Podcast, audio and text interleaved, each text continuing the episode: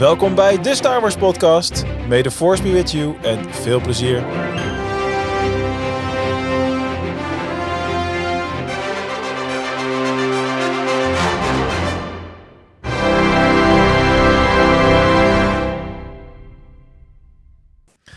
Goedenavond, eh, middag, morgen, nacht, whatever allemaal. Eh, het is weer tijd voor de Star Wars podcast.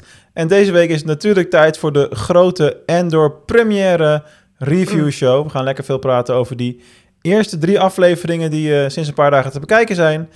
En we doen dat met het volledige team. Ik bedoel, completer dan dit wordt het niet. Ja, wie wil deze uitzending ook missen? Ik snap het heel goed. Van harte welkom aan Bas en Kim, Rob, Quinten en Ramon. En, uh, Goedenavond. En jij natuurlijk. It's go time. Zo simpel is het. Zo is dat. Middag, avond, nacht, Bright Suns, Rising Moons, Mark. Hello there. Maar wees maar blij dat ik niet eerst nog de kans had om Shining Moons te zeggen. Hey, Kijk, nee, ik, ik, ik cover je gewoon. net op tijd. Oké, en eh, ja, zoals te doen gebruikelijk eh, informeer ik eerst vooraf al eventjes naar jullie eh, momenten van de week. En heb ik begrepen dat er een gezamenlijk moment is geweest. Dus vertel. Ik eh, zou heel graag Quinten het woord willen geven. Hmm. Gezien zijn eh, mening over Endor. Ja, ehm, Oeh. nou, wij zijn eh, afgelopen dinsdag zijn wij bij de première van Endor geweest in de filmkoepel in Haarlem. En ja, daar zijn Bas, Kim, Ramon ehm, en nog twee van de Discord en ik natuurlijk. Ehm, we zijn er allemaal bij geweest en ja, ik ga zo meteen vertellen wat ik daar allemaal van vond. Wat iedereen daarvan vond. Wat vond je is- van, van de avond? Ik vond de avond zelf vond ik gewoon natuurlijk hartstikke gezellig. Ik bedoel, ik kwam echt vanuit mijn werk kwam ik direct naar eh, Haarlem toe gescheurd, 20 minuutjes. Ehm, ja, ik wist dus wel dat daar al een koepel zat in Haarlem, maar ik wist dus niet dat dat de filmkoepel was. Dus ik was helemaal verrast van, hé, hey, dat is dit dus. Ehm, ja, serieus, ja. Ehm, ja, het, het verliep gewoon hartstikke leuk. Gewoon lekker met z'n allen naar binnen. Van tevoren even een drankje doen. Daarna de première ook echt kijken. Eh, en daarna gewoon lekker eh, op die afterparty gewoon lekker erna praten. Lekkere hapjes. Ja, ik vond het een hele geslaagde avond. Ja, mooie beelden zie ik nu eh, Ja. voorbij komen op de YouTube. Dankjewel Ja. Bas. Ik, ik heb ook heel erg genoten. Dus wat we nu ook zien is de aankleding. Je ziet een en ander van, van de serie, posters, muurversiering. Er was muziek. Five Five of First. First was aanwezig, dus je had alle cosplayers eh, daar. Eh, van, ja, van alles liep daar eigenlijk wel rond, van Troopers tot eh eh, Mon Mothma tot, eh, eh, nou wat zien we nog meer? Rebel. Rebel Pilot, Padme inderdaad. Nee, dat was heel vet. ook nog, blijkbaar. En eh, nee, dat was, was heel leuk. Dus eh, daarvoor eh, gewoon eventjes met elkaar eh, foto's gemaakt, eh, drankje gedaan. En eh, achteraf nog een eh, afterparty met wat hapjes. Waaronder de welbekende inmiddels uh, kipsaté-stokjes. Ja. Vriend Quinn. Ja, Ja, ja, ja. Ik ben voor mij de laatste geweest ook die een kipsaté-stokje heeft gehad. van dat hele feest. Iemand, was het waard. iemand Hij moet de laatste zijn, toch? Ja. Nou, Ik heb een foto van Quinten gemaakt. En ik weet niet of hij zo ook in de slideshow op YouTube voorbij komt. Want ik heb een selectie moeten maken. dat die maar- dan van YouTube worden gegooid. Ja, daarom. Er is niks erotischer dan Quinten een satéetje zien eten, zeg maar. Die jongen was echt... eh, echt- Aanstootgevend. Ja, Jezus. ja, Ja. Oh, ik kan niet zoveel op zeggen wat ik nu niet ga doen. Ja, nee, dat was, dat was mooi inderdaad. Het was, het, was een, het was echt een hele leuke avond inderdaad. En eh, de sfeer zat er goed in. Eh, niet alleen eh, onder ons, maar ook onder de mensen die er allemaal bij aanwezig waren. En ehm, ja, kijk vooral even op de Telegraaf. Die hebben een prachtig video-item gemaakt van hoe het niet moet. Ik heb geen flauw idee, want ik, Ehm. ik, ik lees geen krant, ik kijk dat soort sites bijna nooit. Wat, wat is de, de, de? Telegraaf heeft een, die waren er ook als pers aanwezig. En die hebben een video-item gemaakt. En eh, het was een event voor, voor fans en, en voor mensen zoals wij en eh, mensen die bij KPN werkten. Het was een soort joint venture tussen Disney en KPN. Logische combinatie. En op, op de een of andere manier heeft de Telegraaf alleen de mensen van de KPN weten te interviewen. En allemaal mensen die niet eens wisten wat Star Wars was. Dus er kwam letterlijk iemand in beeld en zei zo... Ben je fan van Star Wars? Zei hij, ja, dat is toch met die Jedi's en die, die Darth Vader, toch? Dat is, dat is toch Ah. Star Wars? Dan denk ik van ja... Je verdient het niet om op deze première te zijn, want er zijn heel veel mensen die veel liever zijn dan jij nu op dit moment. Mm. Eh, en, en de Mm, Telegraaf is Stefania. Ja. ja, de Telegraaf is precies deze mensen eruit te pikken. En ik heb zoiets van, als je een itemje maakt, loop even naar iemand die in ieder geval een Star Wars t-shirt aan heeft of zo. ja. Eh, maar goed, eh, gelukkig mogen wij het eh, ook nog gewoon eventjes doen, de show doen hier. Maar ja, ik, ik vond het gewoon heel tof om, om, om, om met, met Ramon, Quinten en Kim Star Wars op het grote scherm te mogen zien. Want we hebben de serie natuurlijk de eerste drie afleveringen gezien, maar op een bioscoopscherm. En, en met mensen in de, in de zaal met lichtzwaarden de lucht in en zaten te juichen op het einde en te klappen. En, en dat is zoveel sfeer bepalend op zo'n moment. Dat is gewoon leuk. Mhm. En eh, ja, dat we dat dan met ons podcastclubje mogen doen, dat, dat, dat vond ik gewoon heel speciaal. Ik heb zelfs 100%. nog reclame kunnen maken voor de podcast. Want ik wilde heel graag met een stormtrooper op de foto, aangezien ik een beetje gedisney-bound was als eh, Darth Vader en ik mijn eh stormtrooper tas bij me had. Eh, zoals je op de foto's af en toe kan zien. En toen vroeg de stormtrooper waar ik eh, van, van was, of ik van KPN was. Dus ik gaf aan van nee, ik ben hier namens Star Wars Awakens en namens de Star Wars podcast. Toen zei hij, oh, dat luister ik af en toe eh, op, door de week. En ik zeg, nou, dus zou je een keertje op zondag moeten kijken. Want dan hebben we er ook hele leuke beelden bij op YouTube. Dus wie weet is die nu live aan het meekijken. Volgens mij was het de stormtrooper die Ramon ook echt kent. Oh, oh dat is Tom, een Franse. Oké, Eh, zou kunnen. cool man. Ja, Nee, nee, leuk man. Ik Ja, zag ook jij- iemand daar, die, die leek sprekend op Rob, joh. Nou, Bas die wees mij erop. Die zegt zo. Nou, dat dat, niet was Rob mijn van de Star Wars momentje van de week hoor. Dat was echt, wat, wat Ramon daarna deed, was echt mijn Star Wars moment. Niet van de week, maar misschien wel het Star Wars moment van de eeuw. stel, stel je dus voor, er loopt daar een man rond die echt een kop groter was dan Rob. En ook een stuk breder dan Rob. En dan niet als in dik, maar als in getrainder dan Rob. En flink spierballetje en zo. Maar hij was gewoon kaal en hij had een, hij had een baardje en gewoon hetzelfde gezicht als Rob. En Ramon stapt er gewoon op af en die zegt... Ben jij Rob van de Star Wars podcast? Ik dacht, dat is low-key, supergoeie reclame. Dus ja, dan eh, altijd mooie momenten. Ga het nu opzoeken, want je wilt toch weten wie, de- wie is dan in godsnaam die Rob die op mij lijkt, weet je wel. Dat Ja. zou ik wel doen. Dus ja. Heb je het daarna ook niet bij die vrouw van eh, Disney eh, gedaan? die het event organiseerde? Of eh, heb je daar niet tegen gezegd? Heb ik daar tegen gezegd dat, dat ze op Rob van de Star Wars podcast lijkt?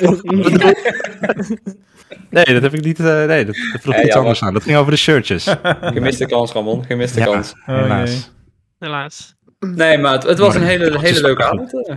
Die foto van mij met dat satéetje heb je er niet tussen gezet. Nee, ja, ik Nee, zeg al, ik wil niet geband worden. op Algoritme van YouTube. eh, ja. Die is te aanstootgevend, inderdaad. Ja, dat ja, dat ja. is niet iets in, in waar Disney in de titel zit eh, op YouTube. eh Die staat op een ander soort site, eh, Quinten. Oh, ja, Dan ja, worden we niet meer uitgenodigd. En het zou wel heel leuk zijn als we nog een keer uitgenodigd worden. Ja, nou in het kader van uitgenodigd eh, worden staat er natuurlijk binnenkort wel weer iets op de agenda. Hè, want na Ja. deze première, dat smaakt naar meer, dan hebben we in eh, november straks de Heroes Dutch Comic Con. En eh, ja, daar gaan wij vanuit Star Wars Podcast ook naartoe. Als, eh, als pers aanwezig gaan we ook lekker verslag van eh, doen tegen die tijd. Dus dat is denk ik het volgende fysieke evenement waar we naar uit mogen kijken. Dat denk ik wel, ja. Ja, toch? En we zijn er allemaal. Allemaal. Ja, Ja. Van de podcast er ook echt. Wil je allemaal met ons op de foto? Dan kan dat. Misschien moeten we van tevoren per, even. eh, eh, misschien moeten we even van tevoren een setje van eh, vijf of zes van die trading cards van onszelf laten maken. Dat je die ook allemaal kan Hmm. verzamelen. Dat je ons ontmoet. misschien Dan kan mag Kim je ons naar leuk zo'n tekenen. kaart, eh, naar zo'n kaart vragen, zoiets. Ja, ik zou misschien kan Kim ons leuk tekenen, een soort Pokémon kaart van ons maken. Ja, zoiets. Ja. Ja. En dan heb ik bijvoorbeeld twee plus sarcasmepunten. En, en Mark heeft weer eh, de aanval geen haar op mijn hoofd die eraan denkt. En, en dat soort dingen. Die mag je ook nog opgeven. maar maakt niet uit. nou, te Ik gek jongens. Eh, hartstikke tof om die beelden ook te, te zien bij die eh première. Ik ben wel extra nieuwsgierig geworden nou wat Quinten nu vindt van de inhoud. Want Mm. Hij zei de avond was wel leuk, dat belooft niet veel goeds. Maar goed, dat bewaren we nog eventjes voor straks. Dus we houden de spanning erin. Eh, en van ons Star Wars moment van de week gaan we natuurlijk door naar onze traditionele Star Wars quiz. Komt u maar. You must unlearn what you have learned. All right, I'll give it a try. No, try not.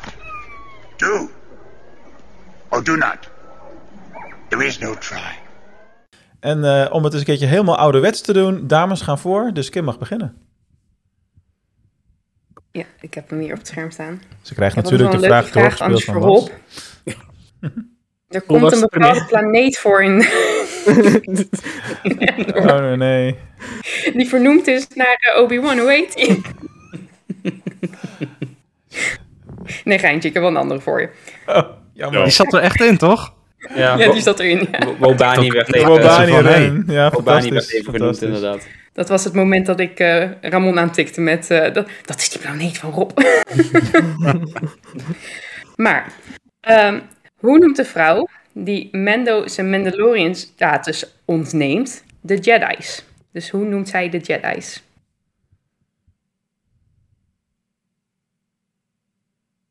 Dit is geen nooit- dit, branden, is echt, volgens mij. Dit is hele goede podcast sowieso, compleet stil. Ik kan het altijd weet- knippen. Ik weet het niet. Iemand anders? Echt, Rob heeft die Endor-serie zes keer bekeken. Als ze een vraag stelt over Ja. Endor, weet ik het. Wat was nou de vraag? Iets met de... De vraag ging over Mandalorian, dacht ik. Ja, Ja. klopt. Ja, je hebt daar eh, de vrouw die eh, dus de titel van Dus de Mandalorian-titel dus zeg maar ontneemt. De ja, de Armorer. Armorer. Oh, de Ja. Armorer, Ja. En die heeft een bepaalde naam voor de Jedi's. Hoe noemt zij ze? De Wizards, toch? Hmm, Force Wielders. Mm, ja, ik weet het ook niet meer, moet ik zeggen. Is er ook iets met wizards te denken? Ja, jullie zitten wel dichtbij. Het is een Order of Sorcerers. Ah, bijna. Mm, Ja. Mm. Hmm. Nou, goede vraag. ik wist het niet meer. Nee, precies. Rob. Rob. Nou. Ramon. Ik heb echt een klote vraag voor jou. Dankjewel, Pik. In de serie Endor wordt er op een gegeven moment gevraagd om een Starcap schip te sturen. Waar komt de Starcap vandaan? Wat is de origin? Weet ik niet. Ehm We zeggen, even kijken. een hint. eh, Starcap or a Daven or some other old thing. Oké, en het Starcap is, is blijkbaar iets wat uit de oude... Oké. Ik weet het niet. Ik denk eh, misschien Shadows of the Empire of zo, aangezien jij het vraagt. Mhm. Zie je niet dat, wat, dat naast hem die Empire Strikes Back poster ook zo eh, in beeld blijft staan de hele tijd? Ik zou... Nee, het komt, Ja. uit een, eh, het komt uit een West End roleplaying game. Jezus. Oh, is dat zo'n eh, Age of Republic of zo? En, eh, Ja, ze hadden zo'n. ze hebben. ehm, uiteraard Pablo heeft eh, geadviseerd om dat schip te gebruiken. Uit een, eh, dus ze hebben. Ik dacht eerst dat, de dat de schrijvers zelf eh, naar die obscure eh, source material gingen. Maar dat hebben ze dus niet. eh, het was iemand vanuit. eh weet die, eh, die Story? Group. Ja. Nou, Die- leuk. De story group die dat. eh, dus het is wel leuk dat ze dat, dat als materiaal ook gaan gebruiken. En dat het ook weer canon wordt. Mhm. Nice. Heel nice. Alright. Ehm poeh, ik denk eh, dat ik deze aan Quinten eh, stel. Ehm Quinten, eh, Ja. in een van de afleveringen en ook in de trailers natuurlijk, ik weet niet of je die hebt gezien, hebben we natuurlijk Mhm. die, die man die met zijn hamers op het ijzer slaat. Ja, In ja. Endor. Ja, je weet wie ik bedoel. ja. De naam van de acteur, wat is zijn achternaam? En ik weet dat je nu denkt van, hoe moet ik dat in vredesnaam weten? Maar als ik het je straks zeg, dan denk jij van, oh, dat had ik kunnen raden. Dat echt niet weten. MC Hammer. Hammer. Nee. Bas, Kim, Geen idee. Geen idee. de is man het zo heet... voor de hand eh, liggend dan? wat zeg je? Is het zo voor de hand liggend dan? Nou, eigenlijk wel. Want hij fungeert natuurlijk als een bel hè, van de Ja. klok. En zijn naam is Neil Bell. B-E-L-L. Oh, wauw. Ah. Ja, Oh, ja, ja, dat heb ik gelezen. Dat is waar ook. Wat stom zeg. Ja, dit soort vragen. Echt zo stom. Nou, ik aan Magiel te danken, moet ik zeggen. Die eh, Hmm. deelde het op Discord. Misschien heb ik het daar wel Dus gelezen. zodoende. Nice, nice, Nice. nice. Eh, dan is mijn vraag voor Bas. Ja, Ehm, wij zijn afgelopen dinsdag in de filmkoepel geweest. En klopt. Ik wil eigenlijk wel eens weten wanneer eh, die filmkoepel ooit gebouwd is. In Toen welk jaar? Steen neerlegden. Wat zeg je? Toen? Toen ze de eerste stenen aan het neerleggen waren. Toen is die Ja, gebouwd. wanneer is... Ja, precies. Eh, precies. nou, ik weet dat het voordat het een bioscoop was, was het een gevangenis. Mhm. Dat, dat weet ik. Maar wanneer dat was... eh, geen, ik, ik was voor het eerst in Haarlem, joh. Weet ik dus geen geschiedenis van die stad. ik heb echt geen idee. Iemand anders een gokje? Geen idee. Ik weet alleen dat de vader van mijn eh, stiefvader vast heeft gezeten. Ja, dat eh, zou wel kunnen. Dat is in eh, 1899 gebouwd. Ja, zo oud mooi, is die dan ook weer niet, maar eh, Ja. Oké. Super oud, ja. Ja. Was wel bij Mark, die is deze week jarig geweest. Die is nu ook super oud. Over Mark gesproken. Ik heb een vraag voor je, Mark. Aha. Ja. Hoe oud is Mark? Hoe oud? Ehm eh, Endor heeft eh, een, een, een best wel een tof pistool natuurlijk, wat hij gebruikt in dat gevecht in de derde aflevering, met al die dingen die van het dak afvallen en zo. eh. Eh, dat is een Briar pistol. Ja. Waar hebben we dat pistool voor het eerst gezien? En Solo. De film. Nee. Damn it. Dan bij Briar Lea. Nee, geen idee. Iemand anders? Die weet Hebben waar we het Briar... live action gezien? Ik zeg alleen, waar hebben we het voor het eerst gezien? Kan ook een comic zijn. Of een Het game. is semi-live action. Nou, dat zal ik je meegeven. Hmm.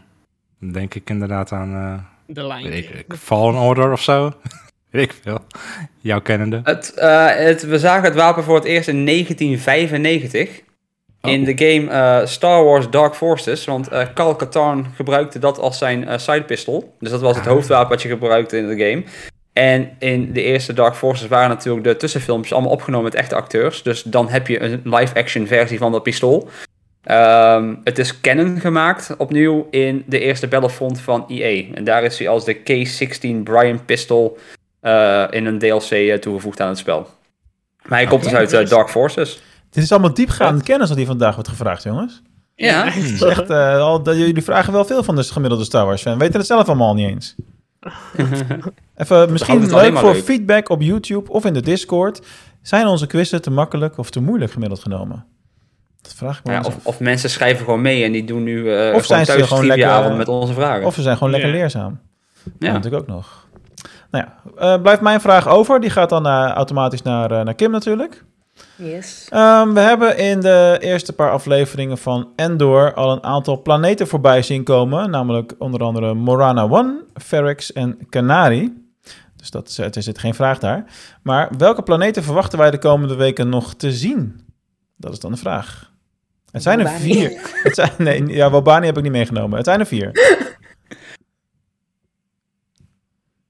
Dat is lastig. Wa- Wie, wie verwacht dat? Zij, zij kan hele andere planeten verwachten dan jij. Op basis van trailermaterialen en, eh, Oh. en, en aangeschreven media Oh, ja. die daarover hebben geschreven. Ik ben daar zo slecht in. De enige planeet die ik onthoud dankzij eh Rob is Wobani. Voor de rest weet ik dat, eh, dat... Daar ben ik echt gewoon heel slecht in. Oké. Ik zou zagen in in de voorzetten. trailer wel eh, die senaat, toch? Van- Mhm, heel goed. Coruscant. Coruscant Ja, dus. Coruscant sowieso. Dat is er één. Gaan we, Heel goed. gaan we heel Jeff in voorzien? Weet ik niet, maar dat is niet één van de vier. Hm. Eigenlijk elke planeet die jullie nu, nu, gaan noemen, die niet in mijn lijstje staat, moet ik natuurlijk per definitie weet ik niet zeggen. Ja, Tatooine hebben we wel genoeg gezien. Camino. Wel- Camino. Camino. Nee. het zou zomaar kunnen. nou, en laat ik er nog eentje proberen te hinten, want die andere twee heb ik ook niet echt goede leads bij. Saw Gerrera doet mee. Dus waar zouden we dan naartoe kunnen gaan? Jeddah. Jeddah, Bedoel Oh, maar goed, het wil niet zeggen dat hij daar is. Ja, volgens de media die ik gelezen heb wel. Oké. Het is wat het is. En eh, de andere twee zijn eh, Vest, dat is de planeet die al genoemd wordt als de planeet waar eh eh, Cassian vandaan Ja. zou komen. Ja. Mhm. En eh, dan ben ik alleen even bij vergeten wat ook alweer de reden daarvan was, is Aldani. Dat is een compleet nieuwe Aldani. planeet nog. Oké. Van dat liedje. Aldani. Wow. Wow. En ik dacht nog dat mijn vraag misschien ietsje makkelijker was, maar dat valt tegen. Nee, dit eh, Ik was vind jouw voor mij in ieder geval niet makkelijk. hoor, Mark. Ja. Nou, aangezien het een Star Wars live-action serie is, verwacht ik ook Tatooine gewoon. Volgens mij was dit de serie waarbij ze ongeveer alles niet doen wat je normaal gesproken wel verwacht, toch? Zo, zoiets was het. Alles Ja. wat je van, normaal gesproken van Star Wars verwacht gaat nu niet gebeuren. Ja. Alright, dan zijn we door de quiz heen. En dan gaan we lekker doorrollen naar eh ons wekelijkse portie Star Wars nieuws. I have good news for you, my lord. Yes, Anakin, come closer. I have good news. That's good news. 4, 3, 2, 1. Ja, en we beginnen deze week met een nieuwsitem wat echt op het lijf geschreven van onze collector, Rob. Eh, want er is een Star Wars Hasbro Pulse panel aangekondigd. Eh, we weten natuurlijk niet wat ze daar gaan doen, dus zo lullig ben ik niet dat je dat vraagt. Maar wat verwacht jij van zo'n soort panel überhaupt? Heb je er wel eens een gekeken? Star Wars speelgoed. ik, heb er geen, ik heb er nog niet één gekeken, want vaak is het eh, op, op, op, op lastige tijden. Hmm. Ik zit even gauw te kijken. Er is eerst om eh, half tien s'avonds, op de 1 oktober, half tien s'avonds, een Indiana Jones brand panel. Dus er zal er waarschijnlijk meer aangekondigd worden over de Indiana Jones eh, figures die eh, al een tijdje geleden aangekondigd zijn. Dus dat er we meer, misschien van meer van laten zien. Mhm. Mhm. En daarna om kwart voor tien is er een uur en een kwartier durend een Hasbro panel over Star Wars. Dus ja, waarschijnlijk worden er ook weer nieuwe dingen aangekondigd. Waarschijnlijk ook eh, Endor figures. Ja, dat zal wel, ja. Dus eh, dat is een beetje wat ik verwacht. Een beetje de, de, de nieuwe series. En, eh, Maar is Hasbro Pulse niet ook iets specifieks? Is dat niet, is dat niet waar ook die projecten van zijn met... eh, dat je het kan eh backen, zeg maar, als consument? Dat is, hash, dat is Hashlab. Oh ja. Hashlab. Hashlab. Ja, ik heb geen verstand van zorgen dat ik het... eh, Hashlab daar kan je het backen. Maar dat is tegenwoordig... Ja, dat is toch niet zo'n succes geworden. Want ze hebben het een aantal keer niet gehaald.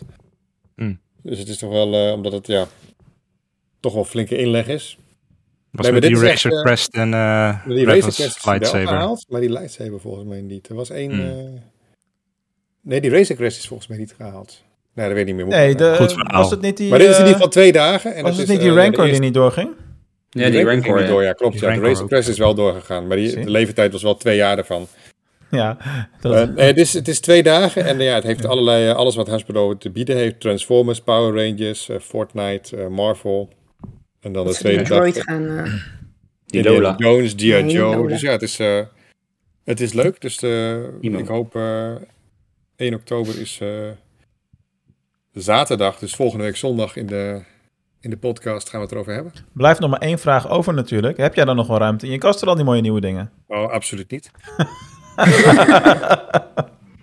Ja, heerlijk. Ik ben mijn Eh. kelder aan het opruimen, dus eh, dat er wat dingen naar, daar naartoe kunnen. Oh ja, doorselecteren. Hm. Ja, je moet wel op een gegeven moment. Alright, alright. Nou, we gaan het straks natuurlijk hebben over eh, Endor en de eerste drie afleveringen. Inmiddels weten we ook dat op, eh, of op of in november eh, de opnames gaan beginnen van seizoen 2. Wat dan betekent, als je het door gaat rekenen, dat het best reëel is om seizoen 2 te verwachten in 2024. En we komen Heeft even een beetje Kilroy bij jullie... zelf ook gezegd dat ja. hij dan zal komen. Even, willen jullie even polsen, hè? Want hoe ik het zie met als je een serie uitbrengt... in een tijd van dat, gewoon nog, dat er nog een beetje tv werd gekeken... gewoon überhaupt tot een paar jaar geleden... als je een serie uitbracht, had het gewoon een x-aantal seizoenen... en elk seizoen, kalenderjaar, is een seizoen. In een kalenderjaar komt een seizoen. Desnoods met overlap naar het andere jaar, maar maakt niet zo heel veel uit. Maar gewoon één seizoen per jaar. Ik vind het persoonlijk echt behoorlijk irritant... dat we in een tijd zijn gekomen waarbij... eh, waarbij we gewoon telkens meer jaren moeten wachten op het vervolg van iets wat al loopt, van een serie. Ja, het En, zal ook met eh, productiekosten te maken hebben. En natuurlijk, ja, volgend, het is ook wel lekker dat je nu gewoon volgend jaar weer een Mandalorian kan gaan kijken. En dan het jaar erop waarschijnlijk Ja. Endor. Ja, maar het is, meer, het, is meer een brede eigenlijk- is meer een brede discussie ook, hè? Want we hadden vroeger altijd, al, elk jaar komt een serie. En op een gegeven moment stopte dat een beetje.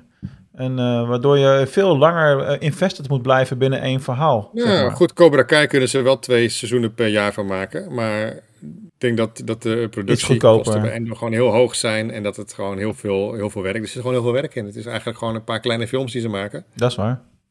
Dus ja, ik denk dat het ook niet gek is. Hetzelfde met Mandalorian. Dat het gewoon niet gek is dat dat... eh, Ja, het, hetzelfde is deze week toevallig ook naar buiten gekomen van ehm, Amazon start binnenkort ook met de opnames van eh het tweede seizoen van de Lord of the Rings serie. Die verwacht ik ook niet volgend jaar te zien als je ziet hoeveel werk er in die beelden zit van die serie. En dat elke aflevering gewoon een uur en een kwartier duurt gemiddeld. Dat zijn gewoon allemaal korte films. Ja, joh. Ja, die verwacht ik ook pas op zijn vroegst in, in 2024 allemaal. Maar ik heb als, als de kwaliteit hoog genoeg is, dan wil ik daar best op wachten. Geen probleem. Oké. Ja. ja, logisch. Ja, we krijgen volgend jaar natuurlijk Mandalorian, Ahsoka, Skeleton Crew, eh Bad Batch. Acolyte misschien, weten we niet. Die zal misschien wel 24 worden, maar in dat opzicht is er denk ik genoeg qua Star Wars series eh, voordat Endor eh, weer eh, om de hoek komt kijken. Maar inderdaad, wat je zegt klopt. Als je invested bent in dat ene verhaal, dan eh, moet je wel wat langer wachten. Dan, eh, Maar specifiek voor deze serie is dat nog wel een dingetje, denk ik. Want als je een beetje naar de... Maar daar hebben we het straks wel over verder. Als je een beetje naar de reviews en zo kijkt... en wat, hoe erop gereageerd wordt... is dit de eh, serie die het minst... waarbij je het minst afhankelijk bent om al Star Wars fan te zijn. Je kan het ook gewoon kijken. Ik bedoel... eh, zelfs mijn vriendin die kijkt eh, nu mee. En, of, of heeft de intentie om dat te willen doen. Op basis van de eerste beelden, zeg maar. En eh, dat geldt voor al het andere Star Wars niet. Dat zegt wel iets over hoe ver het afstaat van eh, de. Force Wielders en de Force en dat soort dingen allemaal. Oké. Ik, ik denk ook dat we gewoon heel erg niet moeten vergeten. ehm, we zijn tegenwoordig gewoon extreem verwend qua tv-series. Ja, joh. Onze tv-series, eh, niet, niet van het zijn er veel zo, maar onze tv-series zien er voortaan uit alsof het echt veel Ja, bioscoopfilms zijn. Als je kijkt naar hoe, hoe cinematografie tegenwoordig wordt gedaan voor die streaming services en dat soort dingen. Dat, dat kost tijd, dat kost geld. En ik, ik- ik vind eh, Lord of the Rings is daar echt nu een toonaangevend voorbeeld in. Want die doet echt dingen op visueel vlak wat we nog nooit in een tv-serie hebben gezien. zeker. Ehm, en, en echt, ik, ik zat die laatste aflevering, het is, ik zat, het is gewoon bizar dat dit, dat dit geen bioscoopfilm is. Het ziet er zo ongelooflijk goed uit allemaal. Ehm, maar op een gegeven moment raken we daaraan gewend om die kwaliteit te krijgen. En eh, tien jaar geleden hadden we ook nooit gedacht dat we series zoals dit zouden krijgen. Nee. Want dit zijn gewoon allemaal films. Ik bedoel, die, de eerste drie afleveringen van Endor, als die achter elkaar hadden gezet en het had als een, eh, gewoon als een prequel op Rogue One in de bioscoop uitgebracht als film, als we hadden hem Rogue Zero genoemd of wat, dan ha- hadden we het gewoon geloofd. Want het ziet eruit als een film. Mhm. Dus dat het allemaal langer duurt, ja, dat is dan jammer. Maar het is ook te verklaren, zeg maar. Ja, dat is waar. En vroeger was het inderdaad, je zet een paar acteurs voor een camera, je, je filmt het, je monteert het, je brengt het uit en, en dan doe je eh 24 afleveringen Grey's Anatomy in een jaar. Eh, daar zit natuurlijk minder afwerking eh, in dan, dan in dit. Ehm, dus ja, ik zeg al. Ja. al- tijd ook. Ja, True. Ja. Alright, volgende nieuwtje is ehm, eh, dat James Earl Jones de rechten van de stem van Darth Vader volledig heeft teruggegeven, zou je kunnen zeggen, aan Ja. eh, Lucasfilm. Ehm, dat doet bij mij wat vragen op en ik heb het artikel verder niet gelezen, maar ja, wat, wat, betekent dat, wat betekent dat eigenlijk concreet? Ik bedoel, zijn stem wordt continu wel toch al gebruikt. Ik, ik denk dat er heel veel mensen het artikel niet hebben gelezen, want er is echt een shitshow losgestart op social media. Oh. En ik heb ook heel vaak eh, eh, ehm, discussies gehad eh, sinds gisteren over mensen die Disney ja, natuurlijk weer beschuldigen van alles en nog wat. Want eh, Disney is slecht en boe en bleh, en waarom niet gewoon James Earl Jones? Ehm, het feit is gewoon inmiddels, James Earl Jones is inmiddels 91 jaar oud. En die heeft gewoon gezegd, ik ga stoppen. Nou, ik- op je 91 mag dat ondertussen ook wel een keer, denk ik. Maar wat hij heeft gedaan is, hij heeft dus vanuit zichzelf de rechten van Darth Vader's stem aan Lucasfilm gegeven Ja. zodat ze zijn stem mogen gebruiken voor alles wat met Darth Vader te maken heeft. Ja. En dat heeft dus te maken met die respeecher software. Ehm, en dat ze zijn stem dus mogen blijven gebruiken in die software om Darth Vader te voorzien van een stem. Ehm, en mensen dan oeh, maar ja, AI, dat klinkt nooit zo goed en bla bla bla. En denk van, in Obi-Wan vonden we Darth Vader ook goed klinken. En daar was dit al het geval. Daar Mhm. heeft eh, James Earl Jones ook niks ingesproken. Dat was ook die software al. Dus daar was eh Darth Vader al ingesproken door een stuk software. En, ehm, Luke Skywalker in de Mandalorian. ja, inderdaad. Dus die software die werkt gewoon. En ehm, eigenlijk wat hier is gebeurd is, James Earl Jones heeft gezorgd dat Darth Vader niet uit gaat sterven of dat hij door iemand anders ingesproken gaat worden. Dus dit heeft niks te maken met Disney, dit heeft niks te maken met geld. Dit, dit dit is gewoon James Earl Jones die zegt, mijn stem blijft bij Darth Vader. En hij heeft gewoon eigenlijk de toekomst van Darth Vader nu vastgesteld met zijn stem. Dat, dat is alles wat hier gebeurd is. Wat ik, wat ik probeer te begrijpen is, wat was er anders geweest als hij dit niet proactief had gedaan? En stel, de beste man overlijdt morgen. Wat zou er dan anders zijn geweest? dan zou Lucasfilm elke keer als ze zijn stem willen gebruiken, ehm, toestemming moeten krijgen van zijn nabestaanden of ze het mogen gebruiken. Dus eigenlijk een beetje wat ook is gebeurd met Rogue One. Toen wilden ze natuurlijk uh, Tarkin erin gebruiken. Daar heeft de familie van eh, de Peter acteur... heeft- ja, die hebben toen eh, toestemming moeten geven om hem te gebruiken. Want eh, je mag Ja. niet zomaar iemands gelijkenis of stem natuurlijk Maar zomaar dat gaat dan gebruiken toch voor ook iets, over, tenzij jij maar daar dat gaat toch ook geeft. over geld dan op een gegeven moment? Sorry? Dit gaat toch ook over geld gewoon, uiteindelijk? Ik bedoel, in feite zegt James Earl Jones van... nou, ik wil gewoon dat ze dat altijd kunnen gebruiken. En dat vind ik belangrijker dan dat mijn uh, nabestaanden daar nog wat aan verdienen. Ja. Zo lees Ja. ik het een beetje. Wat zijn Ja, goed recht is. misschien Misschien net hebben ze daar wel een net eh, overeenkomst over gesloten. Ja, Ja. maar het is zijn goed recht. Ik eh, bedoel, eh, ik, snap, ik, snap, ik, snap, ik bedoel, als je zo'n iconische stem kan achterlaten in de categorie... hij weet dat als hij sterft dat hij voor altijd iets achterlaat. Ja, kijk, misschien. eh, dit, is, dit gaat ook letterlijk alleen over Darth Vader natuurlijk. Kijk, Disney is natuurlijk ook bezig met een, eh, film over The Lion King. Een prequel op The Lion King. Ja, ja, daar ja. wordt Mufasa ingesproken door iemand anders, want het is een jongere Mufasa. Maar ja, misschien zitten daar wel scènes in met de Mufasa die we kennen uit de eerste film. Die dus ook weer door Reese Speecher zijn ingesproken eh, met de stem van James Earl Jones. Ja, misschien dat ze daar wel een, een som geld voor krijgen. Ik, ik, de, de, de dingen, de, de, de, de details rond de deal is niet eh, bekendgemaakt. Het is gewoon, ja, hij zegt van, ik wil dat Darth Vader altijd mijn stem blijft houden. Ja. Of hij heeft juist nu vastgesteld dat zijn familie er wat aan blijft verdienen. Dat kan ook. Als ik een nummer draai van iemand die overleden is, dan gaat dat geld toch ook gewoon nog naar die familie toe. Ja. Ja, misschien Want is dat wel de deal. hadden ze daarna misschien gewoon een andere stem gekozen uiteindelijk. En nou heeft hij gewoon vastgesteld van mijn legacy eh, blijft eh, doorgaan eigenlijk. Ja, hoewel ik me niet kan voorstellen dat als je de keuze hebt... dat je een andere stem zou gebruiken. Maar... Ik zou mensen zelfs, die dat eh, heel goed na kunnen doen hoor. Ja, maar ik zou zelfs nog de aflevering in de Clone Wars... waar Darth Vader in voorkomt en in Rebels... eh, zijn stem weer vervangen met wat Respeech kan produceren nu. En dat, dat is dus interessant, want dan ga je dus de originele acteur vervangen door een computerprogramma. Ja, Omdat hij echter klinkt als zichzelf. Ja, ja, ja. ja, bijvoorbeeld. Technologie is leuk. Nou, het was niet in alle... eh, ik, ik geloof bij Rebels wel, maar bij Clone Wars was het een andere... Was het toch eh, James Arnold Taylor ook, eh, of niet? Of, eh, een- of die Bradley Baker, een van die andere stemacteurs die hem gedaan heeft? Darth Vader. Ik, nee, dat was iemand anders. Weet ik niet. In ieder geval niet eh, James L. Jones. In Rebels was hij het in ieder geval wel, dat weet ik. Ja, dat klopt. Maar dat klonk al, Ja. al anders. Oké, nou cool. Ehm, volgende nieuwtje is een beetje cru natuurlijk.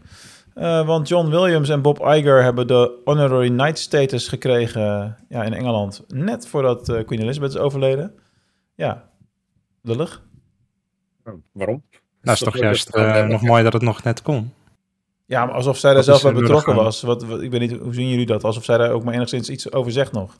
Ah, nee, natuurlijk niet. Maar... Daarom. Nee, maar zij, zij kiest wel wie die titel krijgen natuurlijk. Zij Ja. is daar wel de, de final say in. En dus het laatste wat zij heeft gedaan in haar koningschap... eh, is dus eh, ervoor zorgen dat Williams en Iger die titel krijgen. Ehm, ik heb me er net wel wat in zitten verdiepen. Omdat ze niet uit Engeland komen... krijgen ze niet de, de, de- zo, krijgen ze niet de titel Sir. Ehm, zoals bijvoorbeeld Elton John, die is Sir Elton John geworden. Maar omdat ze zelf niet, in, of niet uit Engeland komen... krijgen ze die titel niet. Maar ze zijn dus wel echt eh, knights in, in, in de Engelse orde geworden, dus dat wel. Dus een hele hoge onderscheiding die zij geven. Er zijn meerdere Amerikanen die die titel hebben gekregen, maar niet eh, bijzonder veel. Nee. Dus het is wel een eer. Zal de Queen niet gewoon verschrikkelijk Star Wars fan zijn geweest stiekem op de, in het eh, Buckingham Palace daar zo? Ik zag wel een foto waarbij ze. George Lucas de hand geeft, dus wie weet. Ja, oh ja. Ja, Lucas is bij haar, dat, dat zat toch ook in die ILM-documentaire. Hm. Dat, dat hij eh, daar stond en dat hij een lintje kreeg of iets. En dat hij ook meteen zoiets had van, oh, awkward, doorlopen. Die Queen is gewoon toffer dan we denken waarschijnlijk. ja, Was toffer dan was toffer. Het is alleen jammer dat ze seizoen 6 van de, de Crown nu voor me heeft gespoord. Maar ja, dat zien we dan weer. Jezus. Oké, eh, moving on. Eh, dit was het nieuws. En eh, ja, we, we hopen natuurlijk allemaal vurig dat Bas de traditie weer in ere kan herstellen. Dus heb je nog wat? Ik heb er nog twee voor je, Mark. Yes. Yes, met, met beeld en allebei. Dus ik heb me voorbereid deze week. Maar terug. Eh, de eerste is dat de officiële Tamagotchi die gaat terugkeren ehm, met Grogu. Dus eh, binnenkort kunnen we allemaal een Grogu eh, Tamagotchi Oh aanschaffen. En ons best doen om eh, Grogu in leven te houden en op tijd eten te geven en weet ik het allemaal. Dat is natuurlijk niet de eerste keer dat Star Wars en Tamagotchi samenwerken, want je had er ook al eentje van R2-D2. Ehm, maar ja, als je ziet, eh, de mensen die YouTube kijken, die zien hem nu ook op beeld. Als je ziet hoe schattig het apparaatje er zelf uitziet, heb ik zomaar het idee dat heel veel mensen dit eh, heel erg leuk gaan vinden. Eh, ik vond het vooral heel grappig dat dat LCD-schermpje nog steeds zo pixelachtig is als dat de eh, Tamagotchi was en ik hem had toen ik klein was. Dus dat, Ja, zo hoort het ook. zo hoort Ja. het ook. Het, het blijft natuurlijk ons speelgoed van toen wij klein waren, alleen dan eh, ja, in een hipper jasje. En het tweede nieuwtje wat ik heb, dat las ik echt 10 minuten voordat we live gingen, dus ik heb er niet heel veel research in kunnen doen. Maar de documentaire Heroes of the Empire, die is van Speechless Films. Eh, die gaat over de 501st in Engeland. Eh, misschien ken je hem, want hij is al een paar jaar oud. En die gaat over wat de 501st zoal doet voor, eh, ja, voor zieke kinderen en, en voor- voor de goede doelen en, en waar ze voor staan. Hè? Bad guys doing good. En eh, letterlijk een kwartier voordat ik eh, met jullie hier in de podcast kwam zitten, zag ik op Twitter een eh, tweet voorbij komen dat deze documentaire naar Netflix gaat komen. Oh, Ehm, ik heb meteen een tweet erachteraan gestuurd van, is dat alleen in de UK? Want het kwam van een UK-adres af. Of wordt het ook wereldwijd? Ja, daar heb ik natuurlijk nog geen antwoord op. Want dat is letterlijk 20 minuten geleden dat ik die tweet heb gestuurd. Ehm, maar dit is een hele interessante documentaire als je eens wil zien wat de kracht van Star Wars is voor mensen die eh, ja, eh, als, als jong kind ziek in een ziekenhuis liggen. En, en, en wat deze mensen nou echt doen. Want het is veel meer dan ze staan bij een première en ze doen eh, leuk met hun pakjes. Ze doen echt veel meer en ze doen hele mooie dingen, ook de 501st. En ja, deze documentaire laat dat echt op een hele mooie en indrukwekkende manier zien. Eh, staat dus niet- ja, mocht hij ook in Nederland naar Netflix komen, dan, dan wil ik hem echt aanraden. staat hij niet gewoon ergens op YouTube ook of zo? Volgens mij staat hij ook op YouTube ergens, maar dat durf ik je zo niet te zeggen. Wat is dan de toegevoegde waarde? Ja, ik vraag me sowieso af waarom iets waar, waar het over Star Wars gaat naar Netflix gaat. Vind ik ook alweer een beetje discutabel, eerlijk gezegd. Het, is niet van Disney dit, het is een, eh, een, een, een, Nee, dat eh, begrijp ik wel. independent documentaire. Nee, dat begrijp ik wel, maar puur strategisch gezien, waarom zou je er als Netflix voor kiezen om iets te promoten waarin veel Star Wars dingen voorkomen, wat bij je concurrenten kijken is? Omdat al je andere content al naar Disney en HBO is verdwenen. En nu heb je iets om mensen weer naar jouw Dit kanaal dus te, gewoon- te lokken. Ja, dit is gewoon kruimels pakken dus. Ja, Ja, ja. ja. Dus, dus dat. Maar ja, goed, wel, alsnog wel zeker een mooie docu en een moeite waard om te kijken. Dat lijkt me, duid- lijkt me duidelijk, ja. Ja, ja, het is echt een aanrader. Tof. Nou zijn we nu echt door het nieuws heen. En ik heb ook nog wel een nieuwtje. Oh, wacht, gaan we nou beleven? Oh, Oh, oh, Hier gebeurt iets nieuws. Oh, oh. ho, ho, ho. Vandaag eh Mark Hamill's 71ste verjaardag. Oh, Vanuit Ja. de podcast feliciteren we hem, als hij luistert. dus hij is 30 jaar en twee dagen ouder dan mij. Nou, als we dan Donald toch zo Glover gaan was doen, ook jarig, toch? Precies dat, ja. Donald Glover is vandaag ook jarig. Dus Ah. eh, de jong, jong Lando, die is... eh, ik weet alleen niet zo in mijn hoofd niet hoe oud hij is geworden. Iets-. Niet oud, want hij is jong Lando, dus dat zal wel eh, komen. Oké, jeetje. Onze Luke Ja. over de 70. Heftig. Nou, eh, goed eh, om dan daarmee het bruggetje te maken naar eh, het hoofdonderwerp van vanavond. En eh, ja, hier hebben we ongetwijfeld allemaal heel veel over te vertellen. Eh, de première van Endor, niet één, niet twee, maar drie afleveringen tegelijkertijd hebben we gekregen. Dat is op zichzelf al een feest natuurlijk. Ik heb er de woensdagochtend voor vrijgenomen om te kunnen gaan kijken. Jullie hebben dinsdagavond al gekeken, behalve Rob. Eh, daar moesten we even op wachten nog voordat we daar iets over konden zeggen. Heb je trouwens nou een He-Man beker, Rob? Zie ik dat goed? Ja, natuurlijk. I have the power! nice. Even, even afgeleid door wat ik, even afgeleid door wat ik in het beeld, beeld zag gebeuren. Anyway, we gaan het natuurlijk hebben over Star Wars Endor. En eh, ja, de, genoeg getease. Quinten, wat is jouw indruk van deze serie tot nu toe? Oké, laat ik eerst voor de, de beginnende luisteraars even uitleggen Ja, doe dat. wat er eh, eerst speelde. Ehm, ik ben nooit echt fan geweest van Rogue One. En dat kwam eigenlijk merendeels door het karakter Cassian Endor. Omdat ik hem in die film vond ik hem gewoon echt helemaal niks. Nou moet ik zeggen, ik vond hem in deze serie wel wat beter dan in de film. Maar het is nog steeds mijn favoriete karakter niet. Maar de serie zelf vond ik echt niet normaal vet. Ik vond het zo gaaf om naar te kijken. Zo wat anders dan Star Wars. Dit is gewoon... Ja, het keek gewoon zo makkelijk weg. En jullie dachten allemaal dat ik de hele tijd aan het slapen was. Maar dat was echt niet. Ik zat echt super geconcentreerd te kijken naar die serie. Maar waar zit hem dat dan in voor jou? Wat, Eh, waarom vind je dit zo vet en Rogue One niet? Eh, gewoon een hele stijl van. Het, het is wat donkerder, het is wat grijzer, het is wat duisterder. Het is echt een volwassen serie. En ja, Rogue One. eh, Ik heb nooit echt een hele leuke film gevonden of zo. Misschien omdat iedereen doodgaat. eh, ik weet het niet. Nooit Spoiler alert. Kom op, man. Lekker bezig. Maar, Rob. ehm, maar ja, ja, ik weet dus niet wat daar het grote verschil van is. Maar deze serie, ja, ik vind het super vet. En Hm. Eh, ja, het, voor mij, het, het- we weten natuurlijk dat Star Wars is. We weten dat dit de opbouw is van hoe hij bij de rebellen komt. Maar ik heb eigenlijk pas in de laatste aflevering het gevoel gehad van ik zit nu echt naar Star Wars te kijken. In de eerste twee Mhm. dacht ik echt van ik ben naar iets van een, eh, Britse eh crime-serie aan het kijken of zo. Ja. Dus eh, ja, ik vond het echt een super vette serie. En ik kijk echt serieus uit naar de volgende afleveringen. Wat ik niet had verwacht. Lekker, man. Ja, Dat eh, geeft toch een wat positieve, positieve Ja. eh, draai aan, eh, aan het. Redemption. Maar je had het ook niet zo op die acteur toch eigenlijk, Diego Luna? Ehm, nee, ben ik ook nooit zo fan van geweest. Ik, ehm, Maar nou, ik, ja, in, mee. in de Rogue One vond ik het ook al nooit zo- zo'n leuk karakter of zo. Misschien omdat hij daar gewoon echt super hard in was of zo eh, tegen anderen. Maar wat in deze serie dus heel goed is, hierin wordt dus echt gewoon uitgelegd waar dat dus vandaan komt. Ik begrijp En- wel waarom je het zo leuk vond trouwens. Ik bedoel, je woont in Amsterdam. De hele serie begint gelijk in Amsterdam op de Wallen. Dus eh, ik snap wel dat je daar je, een beetje bij thuis voelt dan. Ik vond er een beetje als Berlijn uitzien. maar- Maar wat vonden, jullie, wat, wat vonden jullie van het begin, jongens? Het was best wel een... eh, Ja, eh, direct hard. De hard, maar Maar dat is- de volwassenheid. De volwassenheid ik vond het... Ja, maar Volwassen iedereen, zijn. zegt dus, iedereen zegt van Disney is, heeft Star Wars voor kinderen gemaakt. Ja, hoe niet echt. En ik denk dat dit dus aantoont dat het niet zo is. Mhm. Want ik bedoel, iedereen dacht van, oh, Star Wars is eh, met de droids die blibbidi blibbidi bloep zeggen. En dat is het wel.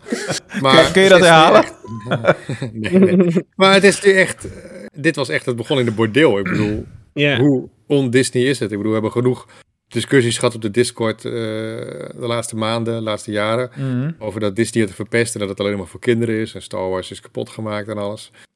En hoewel ik eh, wel zei dat... eh, natuurlijk heb gezegd dat Mandalorian en Book of Boba Fett aanvoelden als het echt als oude Star Wars. Is dit echt een, een science fiction serie die echt, eh, echt voelt als Rogue One ook. En waar echt gewoon iets nieuws neerzet. En ook wel, ja, weer iets fris is. Niet alleen maar doorgaan op het oude, maar echt gewoon iets, iets anders. Wat zich afspeelt in het, in het Star Wars universum. Ja. Ja. Dus ja, in, in een bordeel inderdaad. Wie had dat kunnen bedenken dat het echt... Ja, nou dat- jongens, dat zou bordeel. Klinkt allemaal heel heftig. Het zag er gewoon uit als een kantina. Het is maar wat voor naam je daar geeft. Nee, maar ze noemden Eh, het ook zo. Ik bedoel, ze noemden het, ze benoemden Ja. de brothel. Daarbuiten zaten gewoon die aliens in die ramen. Gewoon, Ja, eh, hoe letterlijk dat wil je was het heel erg, hebben? eh, De wal hoor. Ja, Red Light District-achtig. Maar ja. dan, maar dan blauw. Het, had, het had een beetje eh, eh, Blade Runner vibes in het begin. En niet, Ja. nou, niet, niet een beetje, gewoon extreme Blade Runner vibes eigenlijk. Mhm. Ook dat, dat, dat Mhm. vieze, dat gebruikte, ehm, dat, dat ja, alles is tegen elkaar en niemand is veilig. eh, alles is vies, alles... eh, het was heel erg, eh, inderdaad, heel erg Blade Runner en ook een beetje cyberpunk-achtig eh, ja. achtige sfeer die er hing. Ja. Mhm. Ja, maar het was ook natuurlijk de vorige, nou ja, Rogue One, letterlijk, die ook van Disney is natuurlijk, eh, in een van de eerste scènes dat we Cassian Endor zien en dat hij iemand neerschiet. Ja, dat was ook een moment dat je dacht van, oh, oké, wacht, het is wel een rebel, maar dat betekent niet dat hij alleen maar goede dingen doet, om het maar even zo te zeggen. En dat was hier bijna een parallel dat je zag dat hij dan, nou, op, wel op een andere manier, maar hij schoot ook iemand neer. Leek eh, wel voor de eerste keer te zijn in zijn leven dat hij dat deed, weet ik niet. Maar dat, eh, daar moest ik wel gelijk aan denken. Van oké, ze laten wel gelijk op dezelfde manier met hetzelfde karakter zien van... hey, dit is even menens. Ja. Ja. ja. Eens. Ja. Wat ik vooral tof vond is dat, dat gevecht dat hij daar doet in die straten. Ik zag het ook op YouTube, eh, volgens mij bij Screen Crush. Die zei ook van dit is het meest realistische gevecht wat we tot nu toe in een Star Wars film of show hebben gezien. Want dit is echt een straatgevecht waarbij je niet mooi hoeft te vechten. Waarbij Mhm. geen gigantische choreografie zit. Maar het is gewoon slaan, eh keel dicht slaan, eh, neervallen, klapper achteraan, dood, klaar. Gewoon hard, puur en echt... eh, ja, echt die, die, die rauwheid die erachter zit. Dat is iets wat we natuurlijk nog nooit echt in Star Wars hebben gezien. Dus ik vond wel dat de toon daar echt gewoon meteen gezet werd eigenlijk voor, voor de rest van de serie.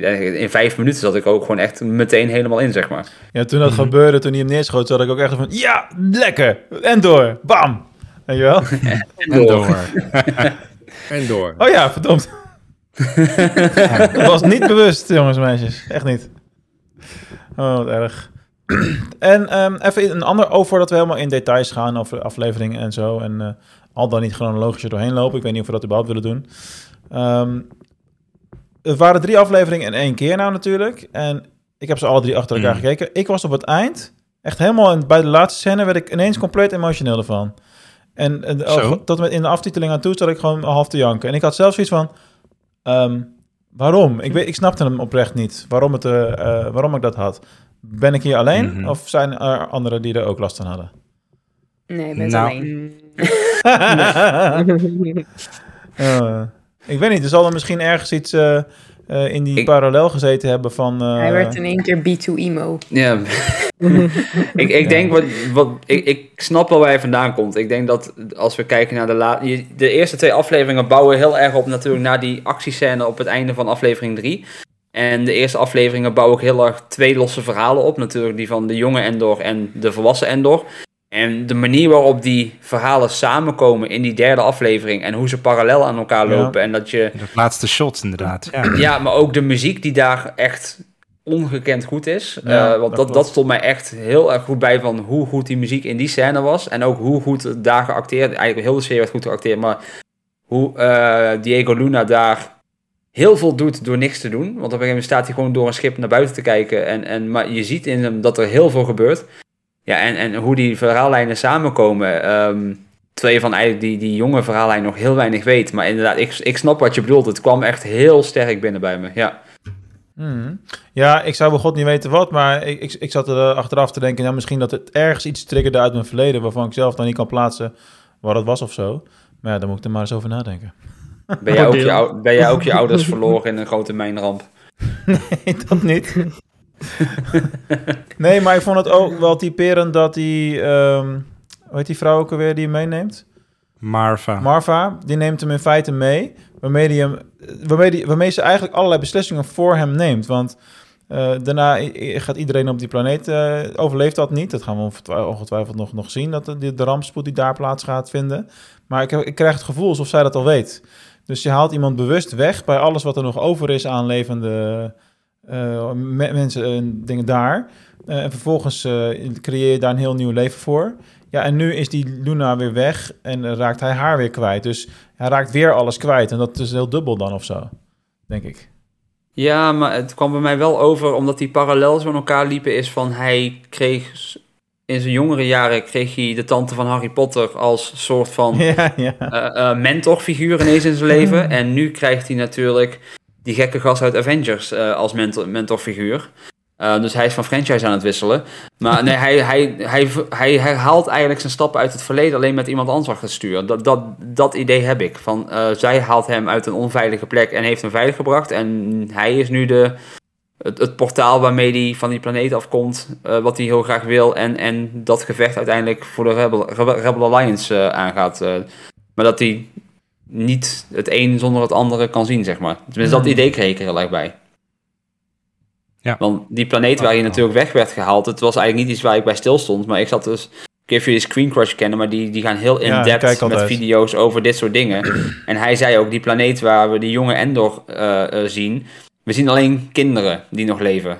Eh, Ja. We zien eh, die grote eh mijnbouw dingen die daar liggen. ehm, en eh, op het moment dat eh Aunt Petunia en haar vriend eh, daar binnenkomen, dat schip, en hem vinden, hebben ze ook een mondkapje op. Of we weten het, zo'n zo'n gasmasker, zodat ze kunnen ademen. Dus het lijkt alsof er iets is waardoor volwassenen daar niet kunnen overleven, maar alleen kinderen. En misschien is dat ook de reden dat hij daar weggehaald is. Van als hij volwassen zou worden, misschien sterft hij. Of wie weet, misschien is dat wel de ramp waar ze over spraken. Dat ze iets bloot hebben gelegd. Waarbij, het, het, ehm, waarbij een kind iets in zijn lichaam heeft dat daar tegen kan. Maar op het moment dat je volwassen wordt, dat je, dat je daar niet meer tegen kan of zo. Dat, dat was hun idee erachter in ieder geval. En ik dacht, ja, dat klinkt wel ergens logisch. Omdat zij natuurlijk die gasmaskers heeft om, om te kunnen ademen. En misschien dat ze daarmee gewoon zijn leven heeft gered zonder dat hij het eigenlijk weet. Ja, dat is ook zo. En hem wel bij zijn zus heeft weggehaald natuurlijk.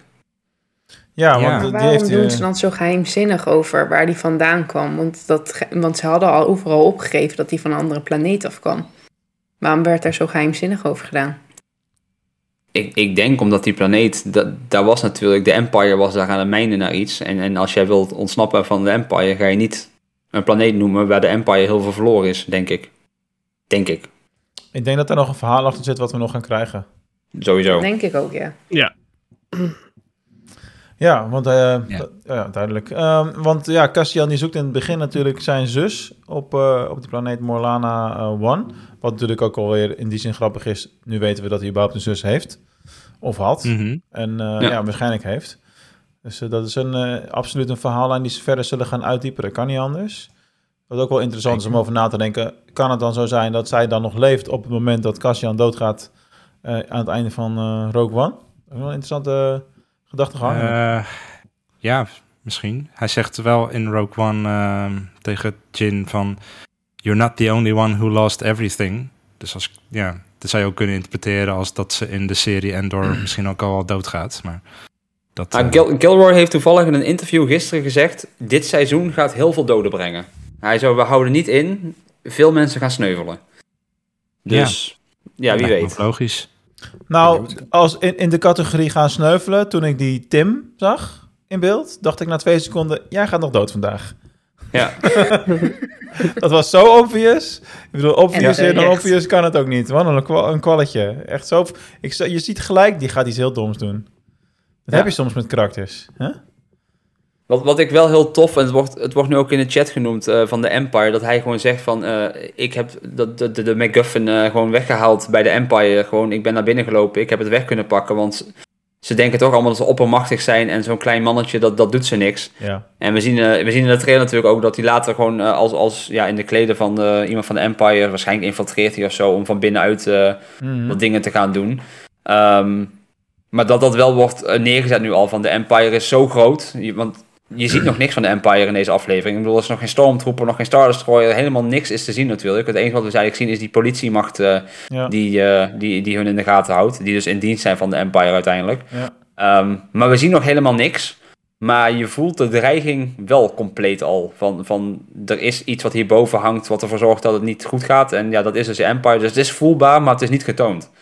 En, en de kracht van het niet laten zien, daar hou ik enorm van. Eh, ik noem ook altijd ehm, de film War of the Worlds van Steven Spielberg. Er zit een scène in een, eh, in een kelder in waar, eh, waar Tom Cruise een man moet vermoorden. En op het moment dat dat gebeurt, draait de camera weg en hoor je het alleen. En dat is de krachtigste scène in heel die film, omdat je het gewoon niet ziet. En soms is niet laten zien beter dan het wel laten zien. En ik denk dat ze dat hier heel goed hebben gedaan. Eh, dat het echt minder tof was geweest als hier meteen stormtroopers naar beneden waren gekomen als schietende en dat soort dingen. Maar dat we echt in de kleinste stappen beginnen en, en ja, nu hem uit gaan zien groeien naar, naar waar hij natuurlijk in Rogue One komt. Dus ik, ik denk dat de opbouw echt heel interessant is en, en dat het verhaal misschien nog wel een heel andere kant op gaat dan dat we nu denken. Maar wat denk je Ehm, dan? Dat is eerder de vraag, want ik, ik sta juist heel open erin. Ik heb geen flauw idee welke kant op gaat. Je weet alleen maar dat hij het uiteindelijk overleeft, dat is logisch. Hè, Mhm. want je moet uiteindelijk uitkomen waar eh, Rogue One begint, maar voor de rest kan in feite alles gebeuren. Ja, kijk, wat ik nu denk is dat hij met die, die eh, ik, ik ben even zijn naam kwijt, die man die hem daar weg... Ryle. Die, ja, die haalt hem natuurlijk weg en hun zullen een rebellencel zijn. En eh, Mhm. kijk, de Rebel Alliance bestaat hier waarschijnlijk nog niet zoals we hem kennen. Eh, we weten uit Rebels dat er allemaal groepen waren die tegen de Empire waren. En die komen natuurlijk uiteindelijk allemaal samen en die vormen de Rebel Alliance. Nou, hun zullen wel zo'n cel zijn die zich daarbij aan gaan sluiten. Ja, Ehm, net we zoals weten uit de trailers dat die man wel macht heeft. Want hij, ja, je ziet hem in een hele fancy kleren en dure ringen dragen. En hij kent Mon Mothma. Dus ja, hij zal wel belangrijk gaan worden voor de Rebels natuurlijk. Dat weten we ook One. Maar hoe die daar komt en, en dat soort dingen, ja, dat, dat weten we natuurlijk nog niet. En ik ben gewoon heel nieuwsgierig naar hoe ze dit in beeld gaan brengen. Want de toon is wel echt gezet. Dat is waar. Ja, Rob, wat was jouw eerste indruk? Want je hebt nog niet zo heel veel gezegd. Nou ja, wat ik al verteld had, het is echt een heel erg eh, goed, goede, waar- ik ben het met Bas eens dat het echt een goed verhaal is. En heel veel, de opbouw is echt heel spannend. En het is echt een sci-fi serie. Je hebt eigenlijk nog niet echt het gevoel dat je naar Star Wars zit te kijken, de eerste twee afleveringen. Mhm. mhm. En ja, ook door het gebrek Ja. aan stormtroopers, het gebrek aan de standaard... eh, En één lightsaber nog Dat, dat, ja, ja, het dat gebrek blijft ook zo. Dat is, wel wat, dat is wel waardoor ik het daarna steeds verkocht kreeg om het te kijken. Ja, dus Er zijn geen eh, lightsabers, geen pew-pew. Ja, het is geen pew Geen geen eh. Het is heel wat anders. En, Ja, een eh, klein beetje. Klein beetje bliep, bliep, bliep. Ja, een klein beetje dan. Wa- want maar- Wally zit er gewoon in natuurlijk, hè? In feite. Maar het is geen, eh, ja, echt iets heel vers en iets heel fris en geen eh, hele bekende gezichten nog. Dus wel echt, ja, ik kijk echt naar uit om, hoe het, wat het verder gaat brengen en hoe het zich gaat ontwikkelen. Ja. ja, het voelt ook nog niet echt als Star Wars inderdaad. Er zit ook wel een momentje in waar op internet nogal eh, nou ja, op gereageerd werd, laat ik het maar neutraal zeggen. Maar eh, we hebben in Star Wars heel veel termen. Eh, we hebben Carabast, Denk Varric, eh, tot in den treuren gehoord in eh The Mandalorian. Maar nu hebben we voor het eerst iemand eh, gezien die daadwerkelijk eh, ja, gewoon shit zegt in de, Ja. in de aflevering. Ja. Was jullie dat opgevallen? Nee, Mhm. ik zit echt te denken nou, van waar dan? Aflevering 3 is dat, ja. Ja, die, Dus die, ja, die wat die, bredere, die, die, grappige ja. gast die naast Ja. die, eh, ja. Als je op het dak staat, als ze die, eh, die auto laten ontploffen. Dat, die, die, dat, die scène daar ongeveer, ja. Oké. Ja, Nou, dan moet ik er even nakijken dan. En ik zag in, volgens mij was het aflevering 1 of 2, iemand die zo bami, eh, bami of rijst zat te eten uit zo'n afhaalbak. Een blauwe, Ja, ik, Ja, ja, ja, ja, die blauwe. Ja, ja, dat zag er leuk uit. Ja, dat klopt. Dus ik vind het zo grappig dat ze dat, ja, dat zijn wel kleine humor dingen dan die erin zitten. Op dat ene mannetje wat raar van dat eh, stoepje afsprong. oh ja, van het stoepje afsprong. Ja, dat vond ik best Er zijn niet heel veel mensen opgevallen, hè? Nee, ik weet Nee. eh, Nee, Geef ik- iets ik- meer informatie. Ik ga het opzoeken, maar als je het eenmaal ziet, dan is het van, oh ja, dat kan je ook echt niet meer unseen, zeg maar. ja, Nou ja. dus die dat schokje maakte zo. Ja, ja. Echt met Ja. zijn handen ook zo naar voren, ja. Ja. Kraak, Geen idee. kraak, kraak. Nee, ik, ik heb nu echt zo'n hamster in mijn hoofd Ja. rondrennen. Zo'n hamsterwieltje die heel hard aan nadenken Hij doet het niet. Hij doet het niet. Oké. Nee. Maar Ehm, vinden we dat in Star Wars passen? Of denken we van, is daar een foutje gemaakt? Of zou de schrijver gewoon dat niet weten? Van, joh, daar hebben we al termen voor. Bantha Poodoo of weet ik veel wat. Maar ja, Nee, maar weet je wat het is? Het is is niet erg om het, het is niet gek. Het is juist niet gek om het een beetje door elkaar te gooien, want dat geeft veel meer en duidelijker aan hoe groot de galaxy is en al die duizenden planeten enzovoorts. Het is helemaal niet realistisch om te denken dat het overal hetzelfde is. nee, maar goed, je hebt er al zoveel in universe. Dan is het ook wel gek om iets aards te gebruiken, vind ik. Ja, dat, dat is wel waar. Dat snap ik nog wel. Maar als ik al zie hoe erg er gekeken wordt naar die namen van die schepen dus, en dat, eh, dat de storygroep daar zo bovenop zit, dan neem ik aan dat ze dit ook wel hadden gezien anders. Ja. Ja. ik vraag me af wat die doen in het dagelijks leven, eerlijk gezegd. ik zie genoeg dingen voorbij komen dat ik denk van, hé, hey, daar zijn jullie toch voor? Maar goed, dat is iets anders. Gaan het ze volgend jaar vragen in eh, Londen. Ja, laten we dat doen. Hey Mark, jij was bij mij toen eh, twee weken geleden of zo. En toen keken we die eh, special op, of nou ja, die korte docu op Disney Plus, Ja. eh, waarin we een stuk van die scène zagen. Mhm. Achteraf, nu we de drie afleveringen hebben gezien, eh, hoe, hoe kijk je daarnaar? Had je het willen zien of de- denk Nee. je van nou achteraf? eh, Nee, helemaal niet. Ik baal er enorm van. Nee. Want je ziet al aan het begin al aankomen dat dat het einde van de derde aflevering gaat zijn. En dat Ja. vond ik zo scheidirritant. Want je, je, weet gewoon, oké, ik heb dus nu al iets gezien. En dat, is- ik weet nu al dat ik anderhalf uur of nog ga investeren om uiteindelijk te komen naar waar ik al weet dat we gaan zijn. Oh zo, nee, ik, ik, ik, ik dacht dus, en ik hoopte heel erg dat het iets was van aflevering 1 of 2, maar inderdaad, naarmate de tijd vordert, de- besef je inderdaad van, oh jee, dit is gewoon echt waar het naartoe gaat. Ja. En dat hebben we dan al eigenlijk gezien. Ja, dat is een dat beetje had ik vrij snel. jammer, weet je wel. ja. Ik dacht het feit dat ze het zo geven op die Disney Plus Day, dat dat iets was van, nou ja, hier, dat, nou, dit zit in de eerste vijf minuten of zo, weet ik veel, alsjeblieft. En eh, nee, dat eh, ja, vond ik wel een beetje jammer. Als ik dat had geweten, had ik het eh, nog niet gekeken, namelijk, denk ik. Ja, ik maar goed, eh, Ik het, was een, het was een toffe scène, daar niet van. Ja, nou ja, was nou natuurlijk nog wat uitgebreider enzovoort. Alleen je Ja. gaat eigenlijk feitelijk volgende week pas verder op dat punt.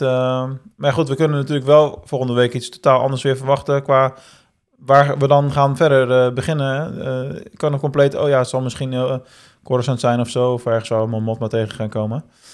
Ja. Dat ligt voor de hand. Maar voor de rest eh, eh, gaan we natuurlijk weg van de planeten die we tot nu toe allemaal al gezien hebben. Wat op zich wel Wat ik- weer eh, logisch is dan. Wat, wat ik mooi vond, en dit is niet iets wat uit mij komt, maar ook in die Screen Crush video genoemd werd, is ehm, de symboliek van het logo voorin eh, de afleveringen. Ehm, het begint helemaal zwart. Eh, Dan zie je een planeet die ook gewoon nog steeds helemaal zwart is, waar dan een randje licht omheen komt. En dat licht dat wordt steeds groter en groter en groter. En dan verschijnt dat voorlopige Rebel logo. En hun zeiden heel mooi van, dit is eigenlijk precies waar de serie om draait. Van, eh, de, de, de, de Star Wars leunt natuurlijk heel erg op het, het zwarte en het, eh, of het, donker en het eh, licht. En, en eh, in, in licht is hoop te vinden. En eigenlijk de symboliek van die opening en dat logo van complete duisternis en één klein lichtstraaltje eh, doet hoop opleveren. En daar komt dan letterlijk dat, dat eh, voorlopige Rebel logo uit. Eh, het kan ook gewoon zijn dat mensen daar te veel in zien en dat het eh, puur toeval is. Maar ik vond de symboliek daar eigenlijk wel heel mooi voor. eh, hoe ze eigenlijk in vijf, zes seconden de, eigenlijk de, de, de sfeer van de serie daar eigenlijk in uitbeelden. Zeker. dat- Ja, nu het dat- zegt zo, ja. Ja, ik dat- denk, niet dat, als- je daar, als je- ik denk niet dat je daar te veel in ziet. Ik denk dat het vrij bewust zo, eh, zo gedaan is, joh.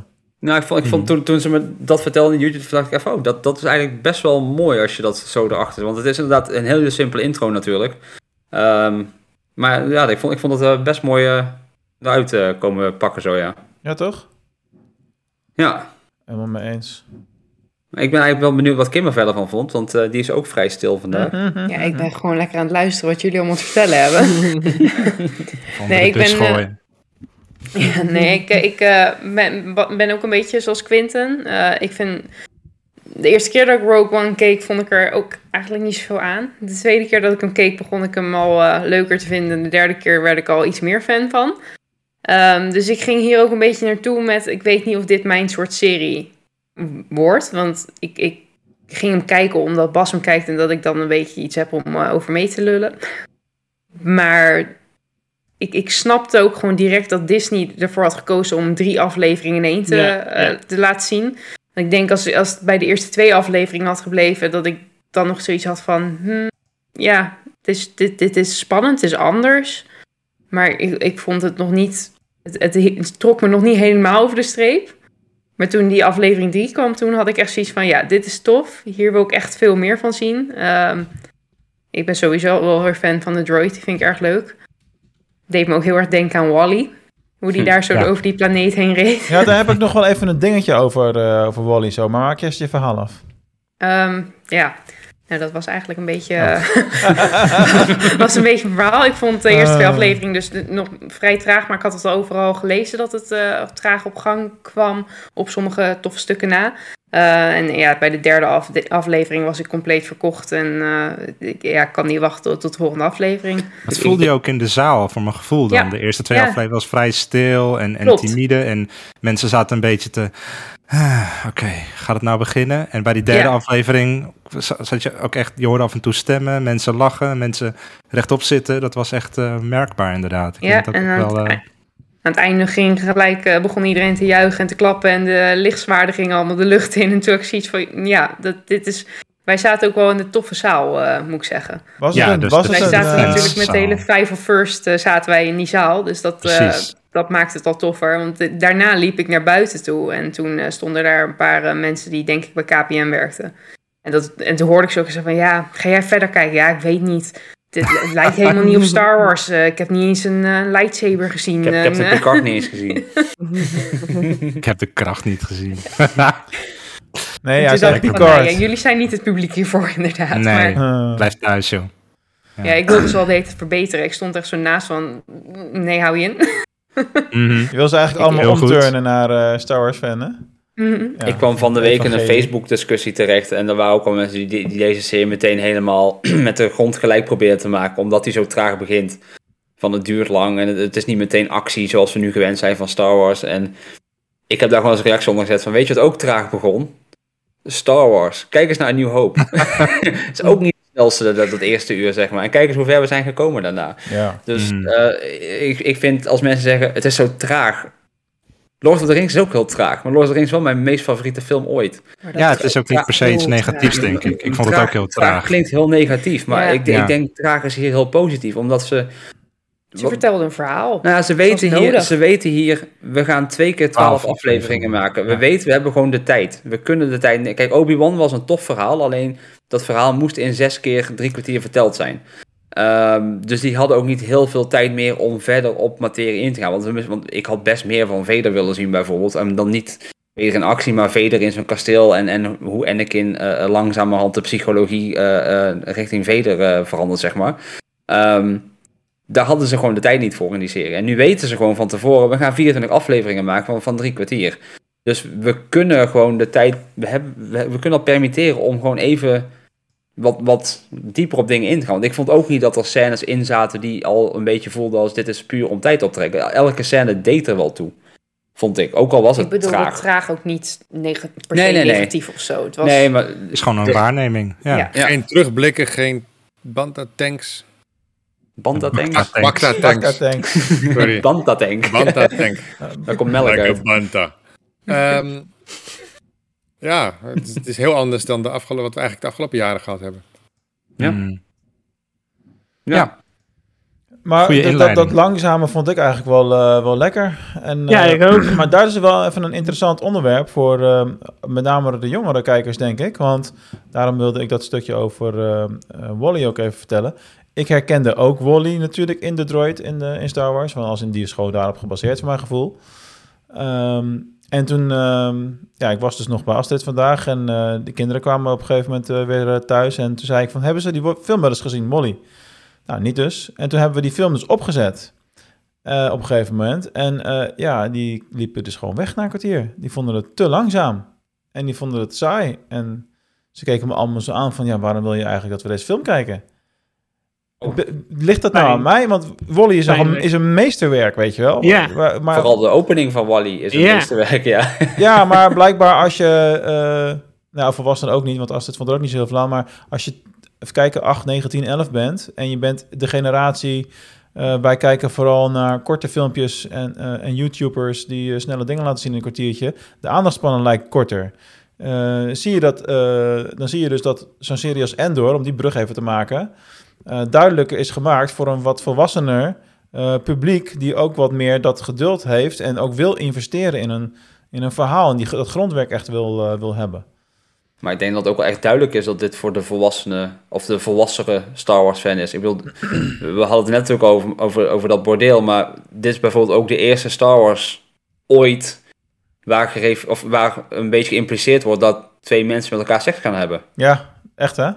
Hoe die vrouw komt, die loopt zijn slaapkamer binnen, trekt de kleren, of begint met de kleren uit te trekken. Ja, de camera gaat natuurlijk weg, we krijgen het niet te zien, maar dat laat wel zien dat dit een heel ander soort Star Wars is dan, dan een, een Book of Boba Fett waar hij op een renkor een stad aan gruzelementen slaat. Dat is gewoon een heel ander Star Wars. En ik denk ook, wat ik altijd al zeg, eh, iedereen heeft zijn eigen Star Wars en voor elke generatie is een Star Wars. En dit is niet de serie die ik aan een jong neefje zou laten zien om die Nee. te introduceren met Star Wars. Nee, dit, dit, dit, dit is echt wel voor onze leeftijd.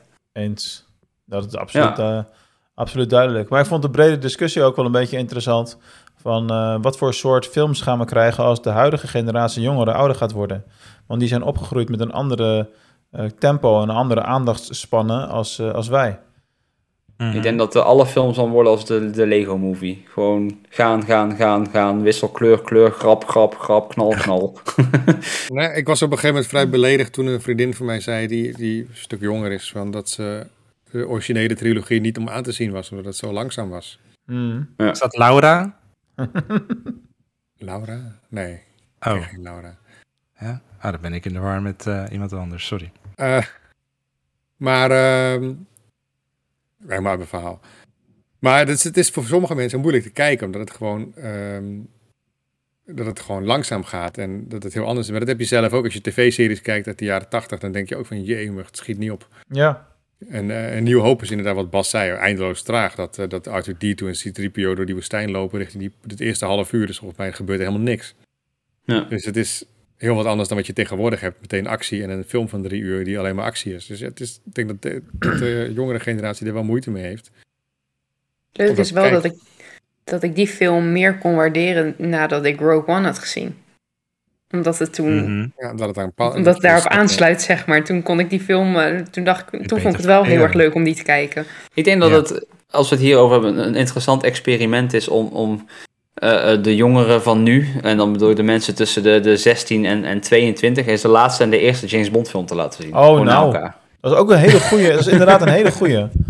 Ja, Ja, gewoon even Daniel Craig en dan, eh, hoe heet die, Sean Connery daarna. Gewoon eh, Dr. No of zo. Eens kijken wat, wat, wat ze daarvan vinden. Lijkt me, lijkt me een interessant experiment. Wel fijn dat je 22 zegt. Ik ben 23. Ja, precies. Jij, bent, jij, jij, vond, jij vond Endor goed, jij hoort nu bij de volwassenen. en ik vond de eerste James Bonds vond ik ook allemaal goed. Dus. Kijk, kijk, met jou kan ik praten. ja Ze het- werden laatst allemaal uitgezonden op televisie. En elk, ik heb er eentje gekeken en Sean Connery had binnen 10 minuten had hij drie verschillende vrouwen in bed. Dus dat was wel... eh, andere tijden. Netjes. Ja. Eh, ja, oké.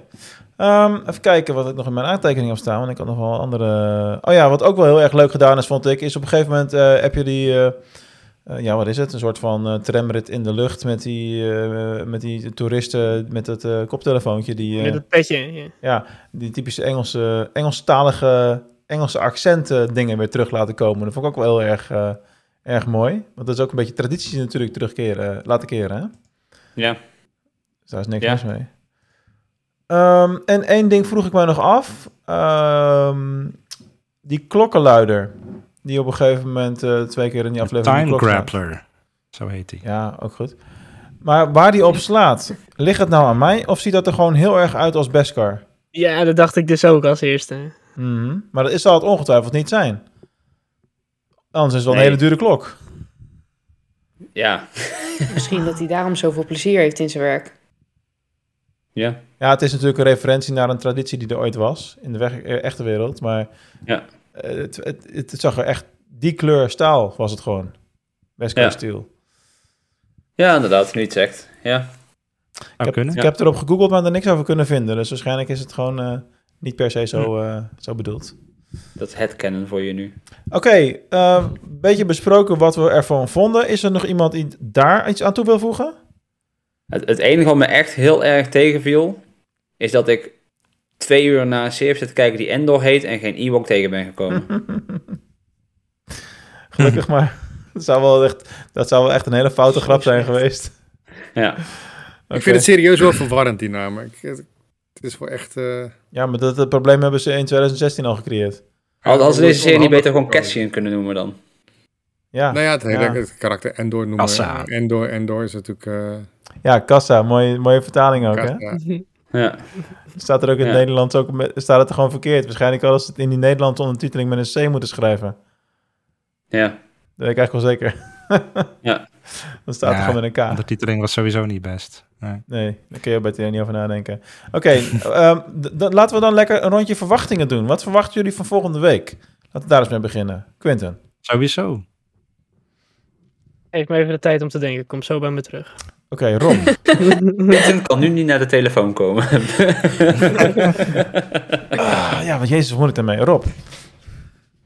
ik hoop meer van hetzelfde. Dat het gewoon het verhaal zich. eh, dat het nog dieper wordt. En dat het gewoon een beetje op deze manier blijft. En dat het Dus geen, ja- eh, geen fanservice, geen eh, bekende dingen. Maar dat het gewoon een goed sci-fi verhaal blijft. Het, het, het smaakt inderdaad heel erg naar. eh, wat ik zei, cyberpunk-achtig. ehm, en weet die film nou wat die Bas net zei? Blade, Blade Runner? Runner. Blade Runner, sorry. Ik ben oud. Het is heel erg Blade Runner. Hij is oud. Hij heeft waarschijnlijk die film in de bioscoop gezien toen hij de, Nee, originele release. Die niet. Maar ik, het, heeft heel, erg- het, het smaakt heel erg daarna. En ik hoop dat het zo blijft. Dat ze een beetje die sci-fi, echt eh, die sfeer vasthouden. Dus jij wil vooral een, een goed verhaal met diepgang. En, Goed ook- verhaal, en, man. en goed verhaal ook vooral. Wat niet op, eh, niet op Star Wars lijkt. Mm. Ja, ja luister, van- luister, Ik de podcast van vorige week nog maar eens terug. Wat zei je? Zeg, luister de podcast van vorige week nog maar eens terug, dan begrijp je de grap waarschijnlijk. ja. Eh Ja, Ramon, dat weet ik Ramon. wel. Weet. Ik, Vakkundig ehm, genegeerd. ik hoop, of nee, ik verwacht dat we Mon Mothma gaan zien. Dat we wat meer haar perspectief van het verhaal nu gaan eh, zien. De komende twee, drie afleveringen. Ehm Luthen en Cassian heeft denk ik... Luthen zal wel een opdracht geven aan Cassian om hem eh, aan het werk te zien. Om hem eh, iets, te ja, iets te doen te geven in die nieuwe Rebel Cell. Ehm, en de flashbacks zullen ook wel weer doorgaan. Want we zagen ook al beelden in trailers voorbij komen uit flashbacks. Waarin Luthen bijvoorbeeld er ook heel anders uitziet. Dus dat zal naast elkaar gaan spelen nog steeds. Dat, dat verwacht ik, ja. Ja, precies. Eh, even dus door één vraagje, nu het me te binnen schiet. Eh, ik hoorde jullie ook eh, zeggen, eh, twee keer twaalf afleveringen wordt deze hele serie. Maar eh, waren het ooit, waren, waren dat er niet ooit drie keer twaalf? Waren er niet drie seizoenen? De, de serie is aangekondigd op seizoenen. vijf seizoenen. Vijf. Ja. Ja. en die hebben ze teruggebracht naar twee, omdat ze het verhaal eh, strakker wilden gaan vertellen en eh, zo niet verbonden waren aan we moeten een x aantal afleveringen halen. Oh. Ehm, we willen de, het verhaal strakker maken en is hij teruggegaan naar twee. Oké, nou dat is eigenlijk al positief dan. Ja, maar volgens mij zijn de seizoenen wel langer geworden. Dus volgens mij waren voorheen acht afleveringen per seizoen en nu zijn het dus twee van twaalf geworden. Ah. Dus dat is eigenlijk drie seizoenen in de, in de oude garde, zeg maar. Ja, oké, het is maar net hoe je kijkt natuurlijk. Ja, Mhm. Oké, eh, Bas en Kim, jullie verwachtingen? ladies first. Ehm, ja, ik heb niet zo heel erg verwachtingen. Ehm, ik hoop nog wel dat ik dat we ja, misschien wat, nog wat meer zien eh, van de, ja, hoe noem je die mensen? De, ik wou de village people zeggen, maar dat zijn hele andere mensen. de mensen uit het dorpje daar zo, omdat Ja. die natuurlijk zo eh, voor, voor elkaar opkomen, dat we die, eh, dat die misschien nog ergens eh, terugkomen of zo. Dat, dat, dat die, eh, weet ik veel, weer op zoek gaan naar... eh, Endor om hem te helpen, iets in die richting. Ik heb geen idee, maar omdat ze dus al zo'n soort van rebellion vormden, heb ik het, ja, het idee dat eh, we die natuurlijk uiteraard weer tegen gaan komen. Want dat vond, vond ik, dat was mijn favoriete stukje, dat hun zo eh, voor, voor hem eh, opkwamen eigenlijk. Mhm. Ja, ik verwacht Han Solo met een baard. nee, ehm, dat, dat verwacht ik allerminst. Nee, ik, ik denk dat. ehm, ik denk dat we heel erg ingaan op. eh, ehm, wat Ramon het ook al zegt, van we gaan Endor zien. eh, eh, ik denk dat hij getest gaat worden, inderdaad. En ik denk dat de kennismaking tussen die twee al een hele test was, natuurlijk. We zagen ook al dat, dat, hij hem leerde van. dat, dat hij bijvoorbeeld die dynamiet in de deur had zitten, zodat hij. Eh, een, exit kon creëren of als het fout ging, dat, het, dat hij daar een soort van eh, ja, een, een terugslag al meteen had. Eh, ik denk dat we de, de, spionnenkant van Endor nu echt gaan zien. Ehm, en, en vooral het grotere verhaal. Dus ik denk wel dat die Empire nu geïntroduceerd gaat worden. Misschien nog niet visueel, maar wel dat het daar meer over gesproken gaat worden. En dat we vooral meer zien van wat, het, wat de Empire doet met de, de, de inwoners van, van de galaxy, zeg maar. Ehm, we zien natuurlijk in deze aflevering heel erg dat die, eh, die, die, die, ja, die, die vuilnisbelt, zeg maar, waar hun allemaal werken, waar al die schepen uit elkaar gehaald worden. Volgens mij zie je in de achtergrond echt dat edits uit elkaar gehaald worden. Ja. Wat me trouwens heel erg deed denken aan de opening van eh, Jedi Fallen Order. Ergens had ik Ja, ja. heel even dacht ik, oh, wat als we nu toch Cal Kestis gaan zien? Dat een compleet verkeerde planeet, maar maakt niet uit. Ah, Dat natuurlijk die geruchten van hem in live action steeds heftiger worden. Dat, oh, wat als we hem hier gaan zien? Maar ja, dat kan niet. Ehm, maar ik denk, ik denk dat we vooral de, de, de schaduw van de dark side gaan voelen van de galaxy nu. Dus niet visueel, maar wel dat we hem nog meer voelbaar gaan krijgen. dus de Shadow of the Empires. Ah. Ja, Oh, Ja. Rob blij. En jij, Mark, wat verwacht jij? Eh, nou ja, ik verwacht ook inderdaad dat we de, de kant op gaan van eh, het verhaal van Mon Mothma. En dat we daardoor misschien juist al de volgende aflevering wat minder van Cassian eh, zelf zien. Eh, omdat dat ook gebouwd moet worden, dat stukje van die wereld. Eh, en ik hoop vooral, eh, omdat, het, omdat ik zo fan ben van eh, de planeet Coruscant, dat we ook wat meer van de planeet nog eh, te zien gaan krijgen. Behalve dan de binnenkant en het Senaat. Hè, zeg maar de binnenkant van die gebouwen. Ik verwacht het niet, maar ik hoop het wel, stiekem. Wat als we nou echt de, de, de, de, de, de duistere kant van, van Coruscant gaan zien? hè, Ja, dan krijg je mensen- George Lucas-serie alsnog met Star Wars Nou ja, 13 level 1313. Juist, dat, dat ideeën Dat uit die game duidelijk. misschien hierin gebruikt gaan Ja, worden. Want nee, dat- Kennedy heeft altijd gezegd van de ideeën van 1313 hebben we nog steeds liggen. Dus ja, Ja, maar ook Star Wars Underworld, waar ze die pilot ooit voor gemaakt hebben. Dat is precies hetzelfde concept. Hetzelfde Ja, precies. plek ook. Dus dat zou super logisch zijn. ja. Ja, ik ben voor. Nice. Meer Underworld. Oké, En man. jij, Ik, Quinn? eh, Heb je dan- ehm, ja. Op zich, ik, eh, ik volg jou ook wel een beetje, Ramon. Ik eh, verwacht ook inderdaad Mon Mothma, dat we wat meer gaan zien van het begin van de rebellen. Maar ik, ik verwacht ook iets met die Marva, met, met wat er gebeurd is in de jeugd, met dat hij meegenomen is, dat die Marva misschien iets te maken heeft met dat neerschieten van dat schip, met dat neervallen. Eh, dat ze inderdaad al dingen wist voordat ze gebeurden, dat dat de reden is dat, ze, dat die meegenomen is. En ja, ik hoop ook van Coruscant, dat hoop ik. Ik verwacht het niet, maar ik hoop het wel. Mhm. Voor de rest ga ik er heel open-minded weer voor de rest in, want dat heeft bij de vorige drie ook geholpen. ja, nou wel leuk om te horen dat je zo bent omgeturnd en dat je nou... Ja. eh, Ja, daar ben ik ook wel blij mee hoor, want ik, ik zeg je, als ik dit niks had gevonden, dan had ik dit wel echt een paar eh, zware weken gevonden. Maar ik, eh, ik heb er echt zin in. Dit is, wel de eerste serie, dit is wel de eerste serie waar we gewoon allemaal best wel gewoon enthousiast zijn.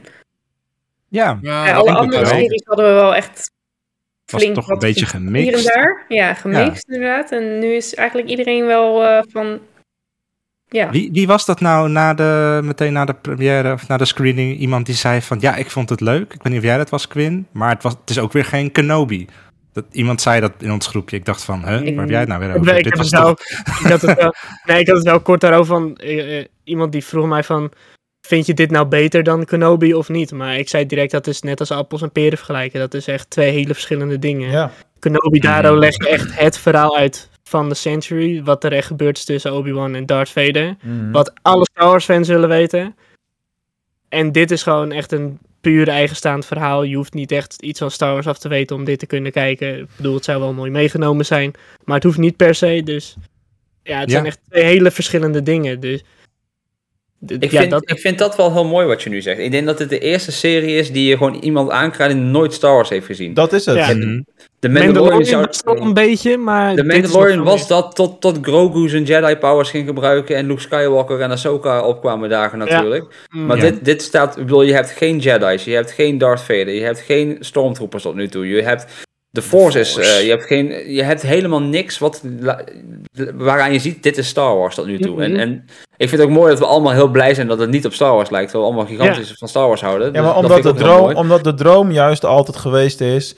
Star Wars is zo groot dat we ook echt series kunnen maken in allerlei genres... En Ja. wat, met verhalen vanuit allerlei perspectieven... die niet per se alleen maar over Jedi en Sith gaan. En dit is de Ja. eerste keer dat het echt gebeurt. Dat is het gewoon ja. dat ding. Mm. Ja, ja eh, ben ik helemaal met je eens. Eh, en, en hou de Jedi's hier ook gewoon compleet buiten. Ja, ja, ja, Ja, ik- absoluut, ik, vind het helemaal prettig dat ik nog geen enkele lightsaber heb gezien, behalve in die zaal dan. Ja. ja, dat is logisch. Ik denk ook niet dat we... Het zou raar zijn in deze tijdspan natuurlijk om lightsabers te zien. Tenzij... Kestis. ik hoop dat we Cal Kestis krijgen. Als, als, ik, als Cal Kestis echt in die aflevering zat ik een afgelopen week... Dan. Al, nee, als, als we daar in die bioscoop zaten van de week en Cal Kestis was echt op die planeet opkomen dagen... Nou, dan had, je, dan had ik op de, de banken staan springen en juichen hoor. Dat, dat, dan had ik me in kunnen Ah, houden. Maar helaas, Dat het is niet gebeurd. zien. nice. Ja. Oké. Dan had hij even zijn Tom Cruise momentje. ja, dan was ik net Tom Cruise bij Oprah op de bank. Nou, een mooi begin zo van deze nieuwe periode. Eh nieuw, nieuw seizoen vol Star Wars plezier met Endor. We kijken uit naar eh, volgende week. Eh, dan gaan we natuurlijk aflevering 4 behandelen. En eh, ja, wat er verder allemaal nog meer gebeurt in onze mooie Star Wars wereld. Eh, ik dank iedereen weer voor eh, het luisteren, het kijken via YouTube. Eh, ja, en iedereen eh, van het team natuurlijk. En eh, volgende week zijn we er gewoon weer. Dus tot de volgende. Bye bye. Doei doei. Houdoe.